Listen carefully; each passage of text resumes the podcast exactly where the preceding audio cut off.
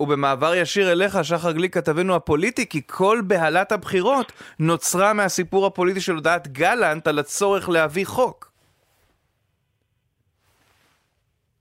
מתחלקות לשניים.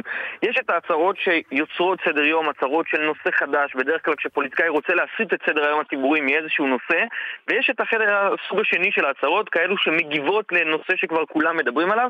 נתניהו בדרך כלל אוהב את הסוג הראשון, הוא בדרך כלל יוצר סדר יום בעצמו, הוא בדרך כלל מציג נושאים משלו, אבל הפעם אנחנו רואים אותו בעל כורחו נאלץ להגיב, נאלץ להגיב לאירוע הזה של אה, גיוס החרדים, וזה קורה אחרי שבאמת אתמול גלנט דוחק אותו אל הקיר ואומר אומר לו, תראה, יש חודש אחד שבו אתה תצטרך להגיע להסכמה מוחלטת. אז מה שמנסה הערב נתניהו, אגב, זו הסיבה גם שהוא לא מבטל את ההצהרה הזו, למרות שמתרחשים, מתרחש פיגוע בשומרון עם שני נרצחים וכל האירוע הזה, נתניהו עדיין מקיים את האירוע הזה, כי חשוב לו להגיב, ובעיקר לנסות לצנן את כל ההתלהבות, לפוצץ את הבלון הזה, לטעון שבעצם אין סיפור, שאין מחלוקת. אז הוא אומר, אנחנו נביא איזשהו מתווה, מתווה שהוא, המתווה שהוא מציג בנוסח די דומה לגנץ, זאת אומרת, החרדים ישרתו גם בשירות צבאי, גם בשירות אזרחי, ישתתפו יצטרפו, נציב יעדים לגיוס. אגב, ראינו כבר כמה וכמה פעמים שמציבים יעדים ולא עומדים בהם, שאלנו את זה הערב את ראש הממשלה, והוא אומר, הפעם זה מתווה שיקוים, ושוב מנסה לגמד את האירוע. אומר, דיברתי עם החרדים, ניהלתי מול המשא ומתן, הם גם בעד הסיפור הזה, הם גם מבינים, אני רואה שינוי אצלם. הוא אומר, הדבר הכי נורא שיכול לקרות לנו זה בחירות, חוזר שוב ושוב על המסר הזה, זה מה שסינואר רוצה, זה מה שנסראללה, וגם שר הביטחון מבין את זה. זאת אומרת, גלנט התקפל, החרדים התקפלו, הכל בסדר, האירוע מאחורינו, זה מה שמנסה לשדר נתניהו, אבל בשביל שהאירוע הזה באמת יהיה מאחוריו, הוא יצטרך להיכנס לשוחות ולהביא איזשהו מתווה שירצה את שני הצדדים. ושחר, נזכיר שוב, כי אני דיברתי על uh, לוי אשכול ומנחם בגין, נתניהו גם השווה את uh, עצמו ומעשיו לדוד בן גוריון.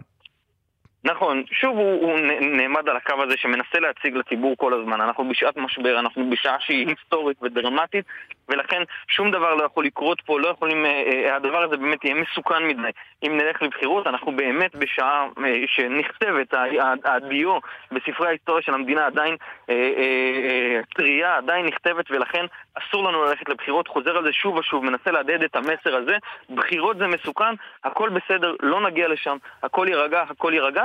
בוא נראה אם הוא באמת יעמוד בזה ויצליח להרגיע בחודש הקרוב עד שבג"ץ מאלץ את המדינה לגייס את החרדים. זה בעצם כן. יהיה האירוע המרכזי. שחר ואני אה, אביא במקומך את תגובתו של ראש האופוזיציה לפיד, כי נדמה לי שיש לנו עליית מדרגה בתגובות, אה, ובהקשר הזה המלחמה כאילו הסתיימה, כי שימו לב מה שאומר אה, יאיר לפיד, עוד מופע היסטרי של ראש ממשלה כושל ואשם, ישראל תנצח רק אם הממשלה הכושלת הזאת תיקח אחריות ותתפטר. כל הסיסמאות והמשפטים היפים לא יסתירו את המחדל.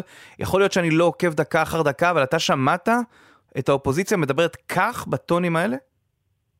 תראה, זה עלה בהדרגה. לטונים האלה זה לא הגיע, אבל כן, בהחלט בשבועיים שלושה האחרונים לפיד מחריף את הטון, נכנס בכל הכוח בנתניהו, הוא גם מזהה באמת את ההזדמנות הזו, הסיפור הזה של חוק הגיוס מבחינתו, בעיקר כי זה הנושא כמעט היחיד, הרי אופוזיציה לא מפרקת ממשלה, מי שמפרק ממשלות הן הקואליציה עצמה, והוא מזהה שיש פה נושא אחד שבאמת יש בו מחלוקת פנימית בתוך חלקים, גם בציונות הדתית, גם בליכוד, שלא אוהבים את הסיפור הזה, ולפיד באמת מבין מבחינתו שזה המאני טיים, זה הרגע, מחריף את הטון, אגב, מחריף את הטון גם אולי לא בצורה רשמית, אבל uh, מאחורי הקלעים יותר ויותר נגד גנץ מנסה uh, uh, לגרום לא להיראות uh, מובך, להראות שהוא באמת uh, תומך בסיפור הזה.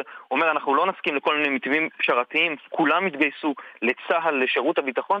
זה הניסיון באמת uh, של יאיר לפיד בשבועות האחרונים, שמחריף מיום ליום, ובאמת עכשיו הגיע לנקודת שיא שלפחות אני באמת לא ראיתי בימים האחרונים.